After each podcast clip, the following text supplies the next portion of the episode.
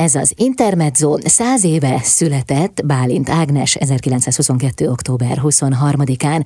A stúdióban német Ágnes, Bálint Ágnes lánya és Sárvári Barbara, az írónő unokája. Szervusztok, szeretettel köszöntelek benneteket. Szervusz! Sziasztok! Bálint Ágnes talán az egyik utolsó írásában vagy interjújában azt mondta, hogy csodaszép életem volt, meseszép. Szóval én azon gondolkoztam, hogy kell-e ennél több, hogy valaki ezt mondhassa, amikor visszatekint az életére? Hát nem hiszem, ez teljesen tökéletes, imádta, amit csinált. Igazából minden embernek meg kéne, hogy adasson, hogy olyan munkát végezzen, amit szeret csinálni, mert az borzasztó lehet, mikor valaki nem szereti a munkáját. Ő akkor kezd, került a televízióba, amikor még nem volt teljesen kialakulva, hát 58 elején, azt hiszem, nem tudom pontosan milyen hónapban. Tehát nagyon sokat kellett ott közösen kitalálniuk, kreatív, nagyon kreatív korszak volt és hát tényleg azt csinálhatta, amit imádott. Írni szeretett, jó volt a társaság, szerette a kollégáit, azok is szerették őt. Úgyhogy nem véletlenül mondta ezt a mondatot, összefoglalva az életét. És azt sem, hogy mese szép. Mert hogy ebben ott van az, amivel ebben ő ott van a mese, igen, igen. erre így nem gondoltam idáig, de jól hangzik, aha, igen, aha, igen. Aha. Miben nyilvánult meg az ő kreatív, játékos, derűs személyisége otthon? Hát most akkor megint egy furcsát kérdeztél. Még nem tudom, hogy mit fogok mondani, mert mondom, érdekes kérdés.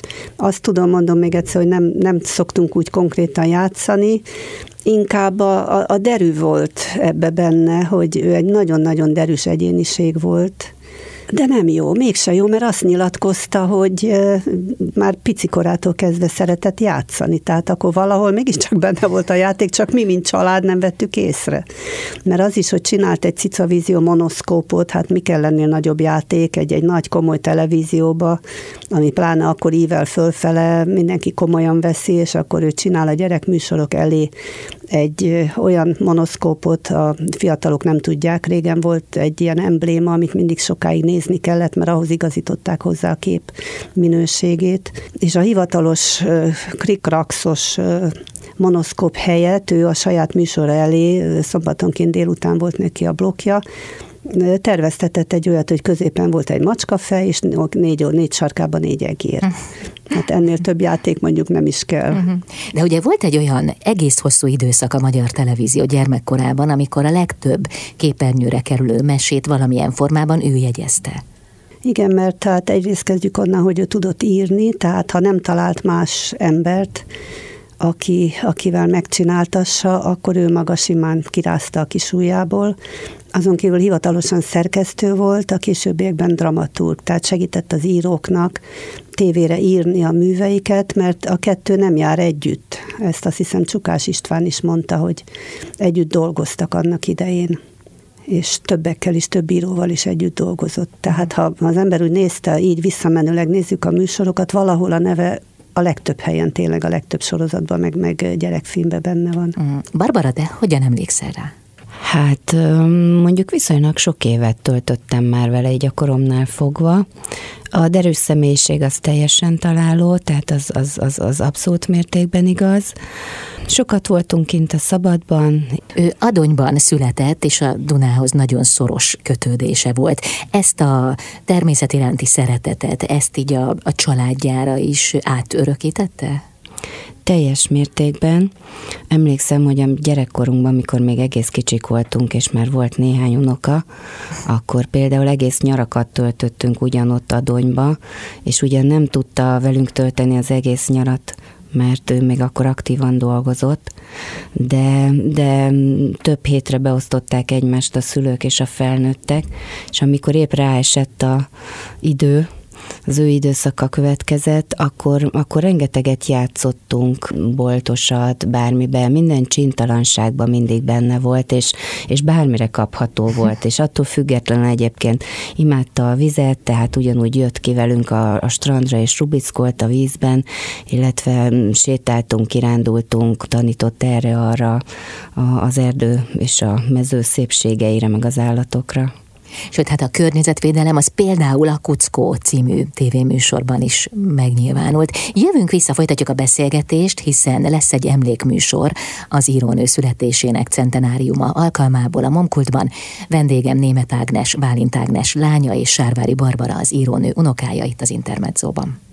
Ez az Intermezzo száz éve született Bálint Ágnes emberléptékű Meseország címmel lesz emlékműsor az írónő születésének centenárium alkalmából a Momkultban.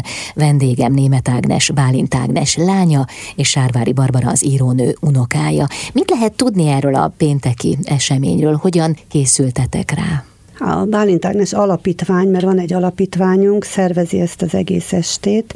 Nagyon szeretnénk megemlékezni édesanyánkról, mindazok számára, akik ismerték, netán munkatársak voltak, barátok voltak, akiket érdekel az ő élete esetleg, mert hogy talán a meséi nőttek föl. Még azért nagyon sok ilyen ember van, mert gyakorlatilag több generációra tudta átadni a, átadni a meséjét. Hát én nem hiszem, hogy van olyan család, akinél ne lenne otthon Bálint Ágnes kötet. Hát sajnos van, ezt hát azért nem is, nem is várjuk el, hogy ne legyen. Egyébként nekem van személyes emlékem róla, én találkoztam Tényleg? vele, igen, Jé. egy író-olvasó találkozón egy könyvtárban, én nem tudom, 7-8 éves lehettem, és talán a frakkamacskák réme volt nálam, bemutatkoztam, és úgy értette, hogy Bálint Ágnesnek hívnak, és azt írta a könyv elejére, hogy Bálint Ágicának, kedves kis druszámnak az öreg Bálint Ágnes Ágnes. Uh-huh. Így dedikálta a könyvet. Miket tudunk meg? Ugye? Na, tehát, mi történik akkor pénteken? Kiket vártok? Én biztos vagyok abban, hogy nagyon sokan elmennek majd azok közül is, akik olvasták és szerették a könyveit, nem feltétlenül találkoztak vele személyesen. Persze, hát igazából, aki vele személyesen találkozott, hát ha jól meggondolom, nincs is olyan nagyon sok ember, miután most már a születésének a századik évfordulóját ünnepeljük. Na most mindjárt az elején egy kis rádiós bejátszást adunk, ahol a sorozatairól beszél és gyakorlatilag elmeséli az összes, azt hiszem négy vagy öt ilyen, ilyen híresebb sorozata volt. Ez alá mi válogattunk képeket, kértünk az MTV-tól is, aki a, magát ezt a hangbejátszást is engedélyezte, és ugyanakkor meg saját archív fényképeket is válogattunk, úgyhogy nagyon kíváncsi vagyok, hogyha összevágjuk, akkor hogy fog kinézni a kettő. Még nem kaptuk meg, de reméljük, hogy jó lesz. Mi volt az, amit szerettetek volna ebből az alkalomból megmutatni róla a közönségnek? Nem biztos, hogy az sikerült. Dóka Péter mondta egyszer, hogy szerintem Bálint Ágnes nincs a helyén és elméletileg az elején még terveztem valami olyasmit is, hogy talán valami szakember, gyerekirodalommal foglalkozó szakember el, kis előadást tartson, de ez nem az, a, nem az az este, nem az a műfaj, ahol ilyen komolyabb dolgokkal foglalkozni kell, de nagyon remélem, hogy beszélgetés közben, mert a következő műsorszám egy, egy ilyen nosztalgia beszélgetés lesz, hogy annak kapcsán azért nagyon sok mindenki fog derülni róla, mármint a a személyiségéről. Nem is csak a személyiségéről is, de a tehetségéről Aha. is talán remélhetőleg. Meg az jutott eszembe, hogy lehet, hogy vannak, akik nem olvasták az ő könyveit, de hogy a tévében ne látták volna valamelyik meséjét, azt nem hiszem. Igen, csak aztán a, a mai generáció, tehát a legifjabbak, a legkisebbek, azok már nem annyira, szerencsére ők is nagyon jól tudják, mert van nekünk egy emlékházunk az ő uh-huh. házából, ahol lakott, abból csináltunk egy látogatható emlékházat, és nagyon sok gyereket fogadunk. Ott már azért kiderül, hogy a kicsik közül nem mindenki látja például a kukorit, amin én csodálkozom, de mégiscsak előfordul. Vízipók, csodapók. Igen. Barbara, neked melyik volt a kedvenced? Hát talán a frak, mert ugye frakkunk volt személyesen is. Még volt egy csibikutyánk, nekem még volt szerencsém ismerni. Ő tulajdonképpen csibésznek hívták, csak mi hívtuk csibinek gyerekként. És, és tulajdonképpen ő fraknak az ihletője, és aztán később az, neki a fia volt az, akit már tényleg fraknak hívtak, úgyhogy én még mind a két kutyát úgymond végig asszisztáltam, és, és talán innen kötődik, innen van a kötődésem hozzá. És papagájotok is volt? Nem, papagáj nem volt, hanem a nagynénémnek szarkája, hollója, milyen volt? Én őt már nem ismertem. Na jó, akkor papagáj nem volt, de a Szelebúri családban biztos, hogy volt papagáj. Jó. Annának volt papagáj? Uh-huh. Ugye? Ugye? A, ő neki volt, igen, és ez a filmben van, tehát nem a Valahol könyvben, ez... hanem a filmben Aha, van igen. a papagájvonal. A hugomnak volt papagája, azt hiszem kétszer is, és szegény mindig úgy, úgy tűnt el, hogy rá, rászállt a fejére, és ő véletlenül kiment vele, mert nem vette észre. Az igen. Akkor E, ez volt a vége a papagájuknak általában. ja, hát Bálint Ágnes nagy állatszerető és környezetvédő és környezetszerető is volt. Jövünk vissza, folytatjuk a beszélgetést, mert most mindenről szó volt, csak a programokról nem. Német Ágnes, a vendégem Bálint Ágnes lánya és Sárvári Barbara, az írónő unokája itt az Intermedzóban. Ez az Intermezzo emberléptékű Meseország címmel lesz emlékműsor Bálint Ágnes születésének századik évfordulója alkalmából a Momkultban pénteken. Vendégem Német Ágnes, Bálint Ágnes lánya és Sárvári Barbara az írónő unokája. Mivel készültök erre az eseményre, és ki fogja elmondani? Most következne majd egy nosztalgia beszélgetés, amiben szeretnénk megidézni az ő alakját. Hát például mindjárt az elején említeném, nagy örömünkre sikerült megszereznünk, Kutvölgyi Erzsébet vállalta nekünk a, a megjelenést, mert volt egy olyan sorozata édesanyámnak, hogy Szimat Szörény a Super Ebb. Nincsen nála Ebb, és maszkba játszották az emberek, így aztán meg lehetett oldani, hogy Kutvölgyi művésznő volt minden magyar, az összes női hangnak a, a hangja gyakorlatilag. Aztán meghívtuk Marék Veronikát, mint pályatársat, aki, aki ugyanúgy író volt, mint ő, és dolgoztak is együtt, mert Veronika is bekerült a tévébe valamelyik sorozatával, már nem is tudom melyikkel, úgyhogy konkrétan dolgoztak együtt. Dóka Pétert azért hívtuk, mert ő a Móra kiadó főszerkesztője, és az egyik kiadónk a Móra kiadó, a másik különben a Holnap kiadó, akik nagyon lelkismeretesen gondozzák a könyveinket. Meg hát Péter maga is író, gyerekkönyv és nem gyerekkönyv, mindenféle más műfajban is író. És Bánszki Kristófot azért hívtuk meg, nagyon fontos személyiség, forgatókönyvíró, rendező, egyrészt aktív filmes, íróként és dramaturgként is, összesen 600 epizódot jegyez, hogy, hogy benne volt 600 tévés epizódba, például a Drága Örökösökbe, a Mi kis falunkba, Doktor Balatonba, stb és ugyanakkor kutatja is ezt a területet, a akkori televízió hatását a magyar társadalomra, tehát ő nagyon jól el tudja helyezni majd nekünk Bálint Ágnest abban a közegben. Nagyon szerettük volna meghívni Takács Verát, aki szerkesztőrendező, tehát tévés szerkesztőrendező, aki konkrétan együtt dolgozott Bálint Ágnessel, de sajnos őt pont most operálták, úgyhogy élőben nem tud eljönni. Viszont a MTV-ából kikértük a édesanyám 80. születésnapjára készített műsort, és abból kivágtuk a verát, még frissen, fiatalosan, fiatalon, nagyon aranyosan nyilatkozik és itt jut eszembe, hogy rajta kívül még Csukás István is nyilatkozik ugyanebből a filmből, tehát bejátszunk tőle egy két kis bejátszást.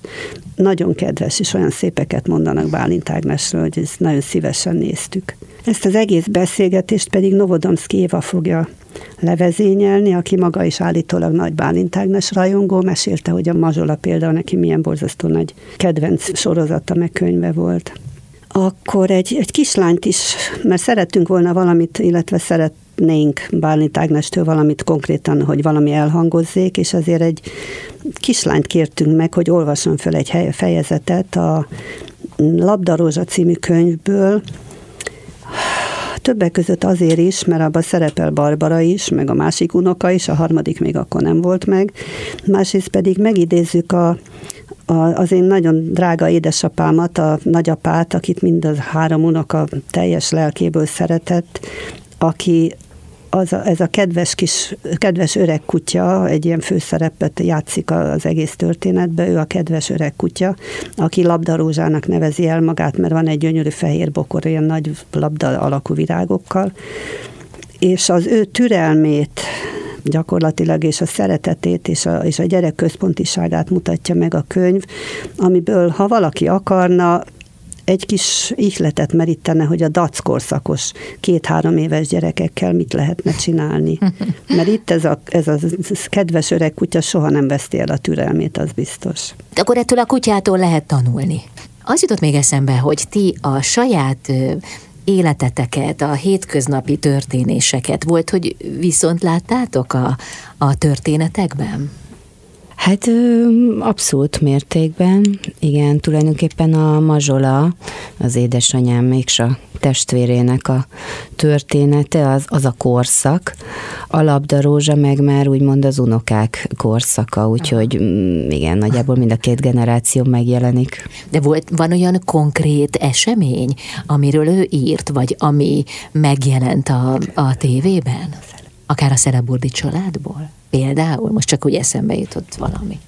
Hát mindenképpen volt, annyira egészen konkrétan nem biztos, egyre emlékszem, hogy a Szeleburdi családban van ez a történet, hogy a kisebbik fiú, Laci elusztatja az édesanyja fürdőruháját, tehát ez valóban megtörtént, mert a hugom és a kis unokaöcsém, mikor anyám vett magának egy nagyon elegáns fürdőruhát, amin a, amin a felső és az alsó részt egy ilyen hálós dolog kötötte össze, akkor az nagyon divat volt akkoriban, és ezek nagyon megörültek neki, hogy hó, hát háló, és akkor halat fognak vele. Hát persze a kis halak rögtön kiúztak a háló hatalmas lukain, és akkor jött a minden nap, nagyon nagy élmény volt nekünk, hogy jött a hajó, a hatalmas hajó, a felszabadulás, a Kossuth, a Deák Ferenc, és így tovább, hatalmas hullámokkal.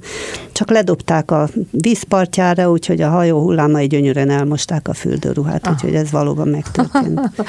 Köszönöm. Meg hát, a, bocsánat, még egyet, hogy a frakban a gyakorlatilag az apámnak a férji oldala van megjelenítve, míg a labdarózsában a nagyapai oldal.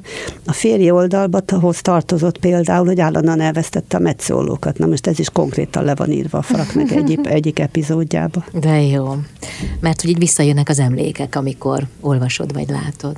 Jövünk vissza, folytatjuk a beszélgetést itt az Intermedzóban, német Ágnessel, Bálint Ágnes lányával és Sárvári Barbarával, az írónő unokájával.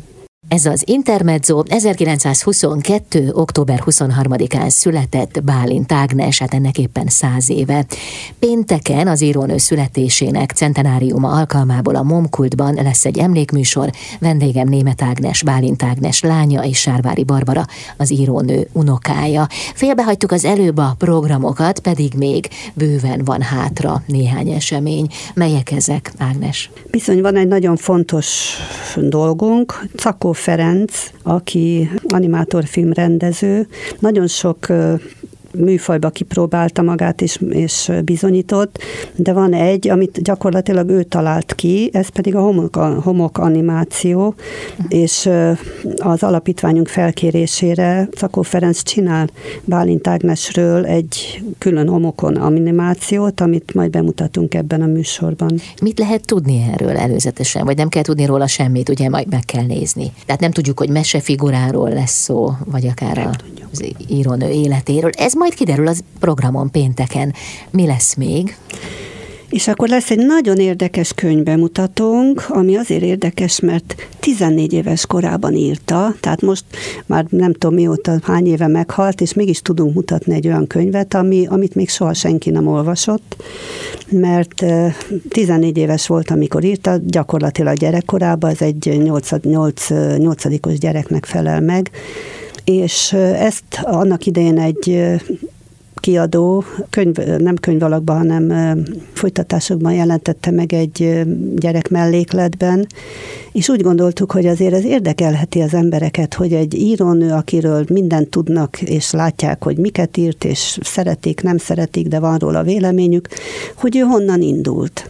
Uh-huh. Úgyhogy ez a Fanni a Modern Tündér című kis meseregénye, amithez ő még saját rajzokat is rajzolt, mert nagyon ügyesen rajzolt, nem csak, hogy írni tudott, de rajzolni is nagyon jó rajzolt, küldték is tanítatni Ausztriába és ezeket az eredeti rajzait hát már nem vállalták a kiadó, hogy az egész könyvet, könyvben maradjanak a rajzok, meg kevés is volt, de nagyon ügyesen megcsinálták, hogy a belső borítókra rakták ezeket a régi rajzokat, tehát akit érdekel, azt is megnézheti, hogy hogy rajzolt ez az író Palánta annak idején. Hm. Most viszont Simonides hajnalka rajzolt nagyon aranyos, nagyon színes, nagyon kedves rajzokat, teljesen a, a könyvhöz illő, tehát ugyanabban a hangulatban rajzolta meg őket és ezt a könyvet majd utána mm, ott tudjuk, tehát árusítjuk is, és hajnalka majd dedikálja is a mhm. könyvet. Ebben a könyvben, amit Bálint Ágnes 14 éves korában írt, már megvoltak a jelei az ő tehetségének, vagy voltak akár olyan szófordulatok, amelyek később is jellemezték őt, vagy az a hangulat már jelen volt-e? Nem, hát ebben nagyon érdekes, hogy ez egy gyereknek az írása konkrétan, ami már megvolt benne akkor is, az a fantáziája, ez a határtalan fantáziáját, olyan dolgokat talált ki. Szófordulatokat még nem, természetesen, mert az, az nagyon korfüggő az ilyesmi, inkább olyan, hogy ami, amik akkorra vonatkozó, és manapság már érthetetlen szófordulatok voltak, azokat kivettük, egy picit átszerkesztettük, de gyakorlatilag ez megmaradt a 14 éves gyereknek a meséként. Még ami nagyon fontos nekem, legalábbis engem nagyon meglepett, hogy mennyi minden tudott 14 éves korára ez, az, ez a gyerek. A csillagászatból, a növénytamból, annyi mindent felsorolt, amit én ennyi idős koromra se csomó mindent nem tudtam belőle mert egy időben őt az édesanyja tanította, és lehet, hogy ezért van, hogy ugye mindenki azt adja tovább, amit ő tud, és neki nagyon művelt és tehetséges édesanyja volt, hogy valószínűleg ettől van ez. És mi volt az, ami, ami őt vitte előre? Mi, mi hajtotta, hogy látjátok? Hát ez is egy érdekes kérdés, amit még nem tett föl senki. Én szerintem a, a mesélés öröme, ezt tudom elképzelni. Ő nagyon szerette a mesét, mert egy olyan értelemben volt pozitív ember, hogy szerette volna, ha a világ, világon minden jó, és minden szép, és mindenki boldog, és nincsenek problémák, és ezért neki nagyon megfelelt, mert írhatott volna novellákat, vagy akár verseket, de nagyon megfelelt a mese, mert azt ott, ott egy külön világot tudott alakítani magának, amiben nagyon fontos nem menekült, mert ő teljesen két lábbal állt ebben a most a, akkori világba, és tetszett is neki, szeretett élni, szerette az életét, de azért az mégis kihívás volt neki, hogy, hogy úgy megírni a körülötte lévő embereket, akár állatokat is, hogy, hogy, hogy az, azért az, azok üljenek azok a dolgok, amiket ír róluk. Ugyanakkor mégis úgy tudta alakítani, hogy, hogy mindenki kibékült, mindenki boldog lett a végén. Gondolom, hogy talán ezt tetszett neki. Majd később végig gondoljuk, de egyelőre ennyit tudok mondani róla. És milyen visszajelzéseket kaptok? Melyik figura, melyik mese alak maradt meg leginkább az emberekben? Cica, mica, böbe, baba, hát még annyit nem említettünk a felsoroltakon, tud vízipók, csodapók. Hát talán a, a, a mazsola és a frak ez a, ez a kettő, mert ugye a Futrinka utca az már nagyon régen volt, tehát az már sajnos már a tévében sem nagyon elérhető, és ami, amit még a gyerekek, amivel találkoznak, talán ami könyvformájában megvan, és amit esetleg még a, a, az M2 időnként lejátszik ilyen archív felvételeken. Nagyjából ezt a kettőt mondanám, mert ez, ez két olyan ikonik ikonikus mesefigura, ami, ami remélhetőleg még száz év múlva is a valóságban fennmarad, és még, még tudni fogják az emberek, hogy mi volt az, és honnan indult. Hmm. Hát nem véletlenül mondta azt, hogy csodaszép életem volt, meseszép. Nagyon szépen köszönöm azt, hogy itt voltatok, és sok látogatót kívánok pénteken a Momkultban. Mindenkit szeretettel várunk. Köszönjük, úgy legyen. Német Ágnes, Bálint Ágnes lánya és Sárvári Barbara, Bálint Ágnes unokája volt a vendégem itt az Intermedzóban.